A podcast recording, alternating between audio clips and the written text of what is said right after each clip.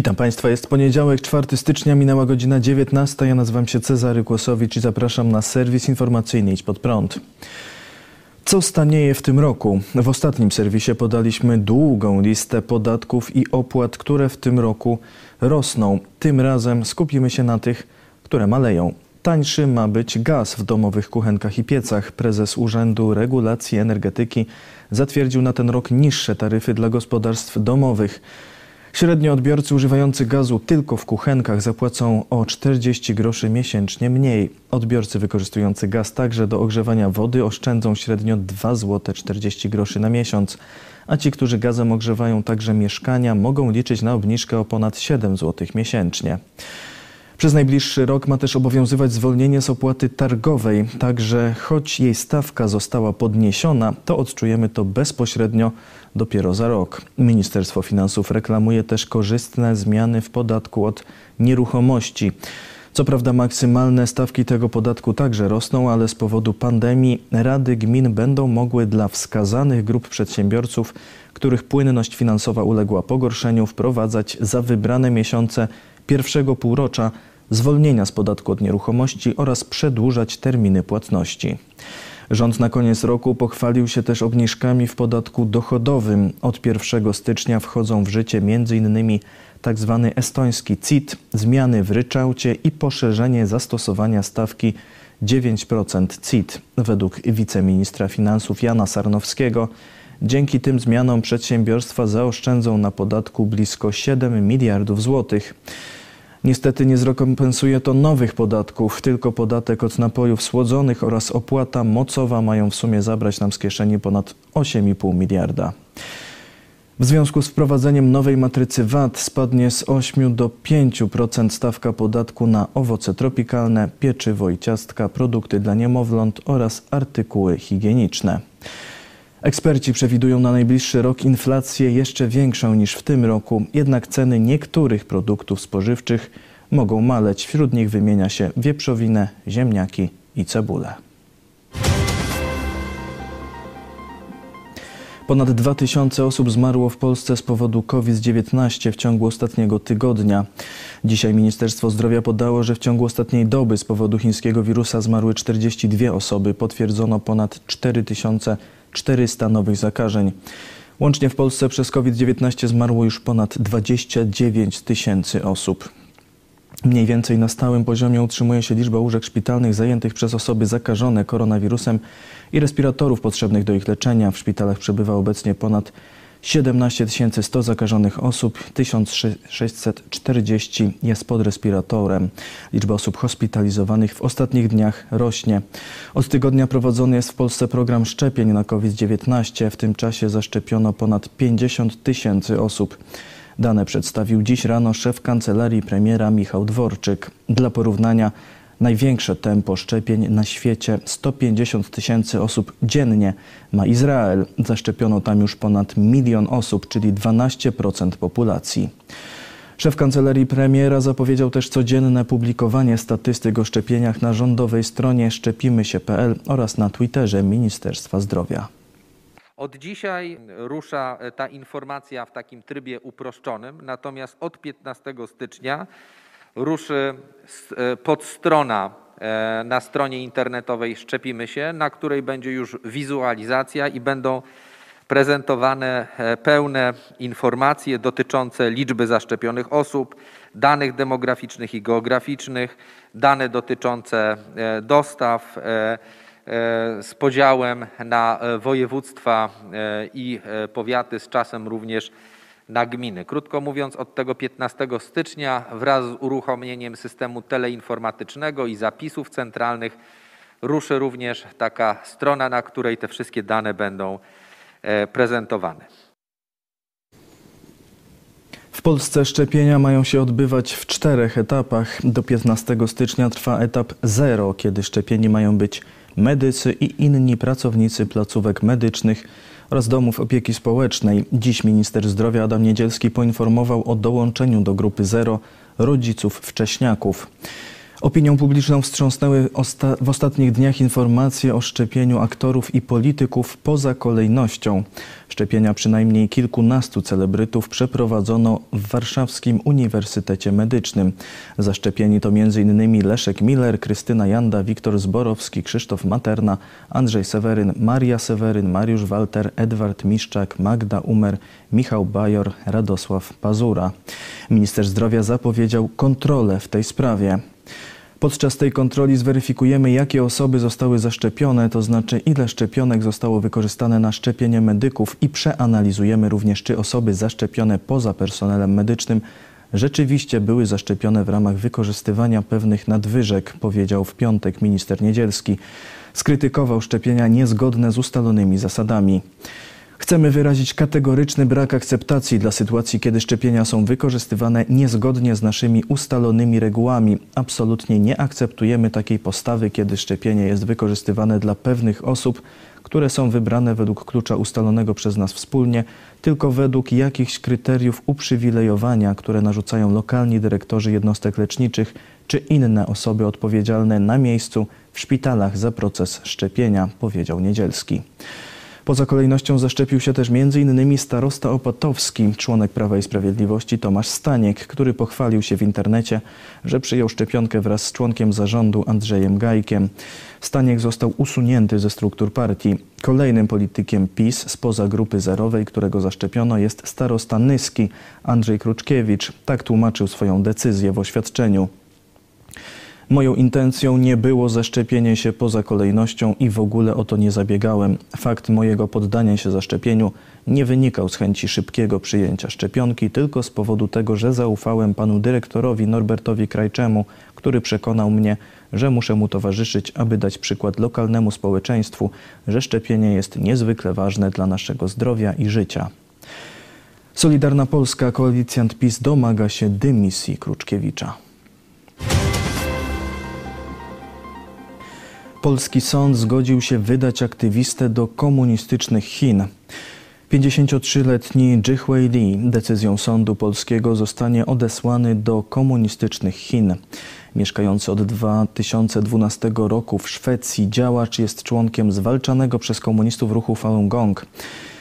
Oficjalne zarzuty, jakie komuniści mu stawiają, dotyczą oszustw finansowych. Jihui Li urodził się w Chinach, jednak od 2016 roku ma szwedzkie obywatelstwo. W 2014 roku komunistyczne władze chińskie wszczęły śledztwo w jego sprawie i wysłały za nim międzynarodowy list gończy. Oficjalny zarzut, jaki strona chińska mu przedstawia, to nielegalne wyprowadzenie pieniędzy z Chin przez firmę w Szwecji. Jihui Li twierdzi jednak, że oskarżenia są bezpodstawne i stanowią przykrywkę dla prawdziwych celów rządu chińskiego, czyli prześladowania ruchu Falun Gong, którego jest członkiem. Ruch ten od późnych lat 90. jest prześladowany w komunistycznych Chinach i uznawany za sektę. Jeszcze kilka lat wcześniej promowany przez władze w wyniku gwałtownie rosnącej popularności uznany został za zagrożenie dla panującego reżimu komunistycznego. Jihui Li dołączył do Falun Gong prawie dekadę temu i aktywnie wspiera jego działania. Wcześniej jako wysoko postawiony przedsiębiorca chiński należał do młodzieżówki komunistycznej partii Chin. Teraz uważa, że partia ściga go szczególnie ze względu na to, że zdecydował się zerwać kontakty z komunistami na rzecz dołączenia do Falun Gong. Jeżeli Polska wyda mnie Chinom, zginę, powiedział działacz w rozmowie z TVN. W Polsce sąd pierwszej instancji wydał zgodę na wydanie działacza Chinom. Sąd apelacyjny wyrok odwołał i cofnął sprawę do sądu okręgowego. Tam znów zapadła decyzja o przekazaniu mężczyzny władzom chińskim. W jego obronie stanęła strona szwedzka. Ambasada Szwecji przekazała polskiemu Ministerstwu Spraw Zagranicznych pismo, w którym czytamy, że jest duże ryzyko, iż nasz obywatel po wydaniu go stronie chińskiej może zostać skazany na karę śmierci. Chińska Republika Ludowa nie spełnia kryteriów państwa prawa. Tamtejszy wymiar sprawiedliwości podporządkowany jest kontroli partii komunistycznej, a zatem nie jest on niezależny, twierdzi ambasada Szwecji. Teraz decyzja należy do ministra sprawiedliwości, który jest zwierzchnikiem polskiej prokuratury. Jimmy Lai znowu w więzieniu. Hongkoński biznesmen i działacz prodemokratyczny Jimmy Lai decyzją sądu musi wrócić do aresztu, z którego został za kaucją wypuszczony tydzień temu. Laj został przez komunistyczne władze chińskie oskarżony o zmowę z zagranicą, za co na mocy narzuconej w lipcu przez Pekin na Hongkong ustawy o bezpieczeństwie narodowym grozi mu nawet dożywocie. Hongkoński działacz znany jest z otwartego krytykowania komunistycznego rządu chińskiego. Prokuratura hongkońska oskarżyła Laja o złamanie prawa w związku z wypowiedziami, w których miał wzywać do zagranicznej ingerencji w sprawy Hongkongu. W ogłoszonym w zeszłym tygodniu orzeczeniu sąd uznał, że wypowiedzi te były jedynie komentarzem, a nie nawoływaniem do ingerencji zagranicy. W czwartek jednak sędzia zakwestionował tę ocenę. Poinformował także, że 1 lutego ma odbyć się kolejna rozprawa apelacyjna dotycząca zwolnienia działacza za kaucją.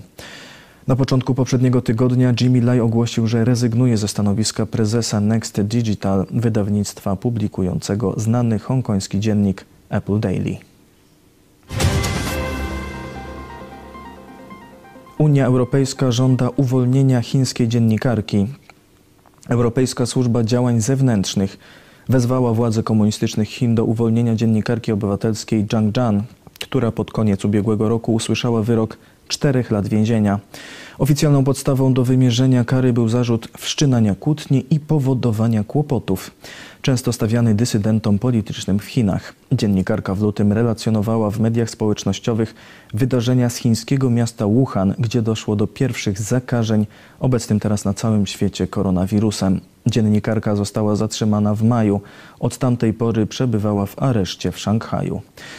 W listopadzie prawnik kobiety w rozmowach z mediami mówił, że po widzeniach z dziennikarką dochodził do wniosku, że ta może nie przeżyć pobytu w areszcie, gdzie poddawana była torturom. Rzecznik szefa dyplomacji Unii Europejskiej Josepa Borrella w oświadczeniu prasowym poinformował, że Unia Europejska wzywa Chiny do natychmiastowego uwolnienia dziennikarki, a także innych chińskich działaczy na rzecz praw człowieka. Jak dodał, ograniczanie wolności słowa, dostępu do informacji oraz zastraszanie i inwigilowanie dziennikarzy, a także zatrzymania procesy i skazywania obrońców praw człowieka, prawników i intelektualistów w Chinach nasilają się i nadal budzą wielki niepokój.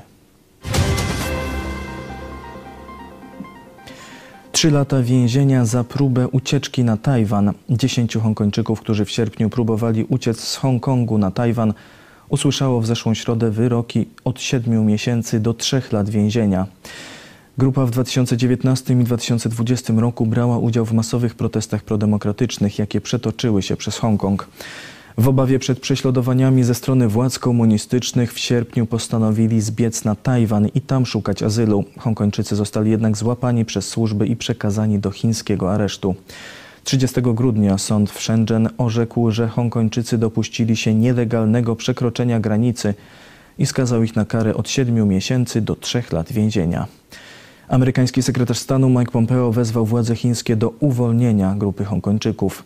USA zdecydowanie potępiają postępowanie sądu w Shenzhen. Hongkong był kwitnącym terytorium, dopóki komunistyczna partia Chin i jej lokalni poplecznicy nie zniszczyli rządów prawa i nie pozbawili wolności ludzi.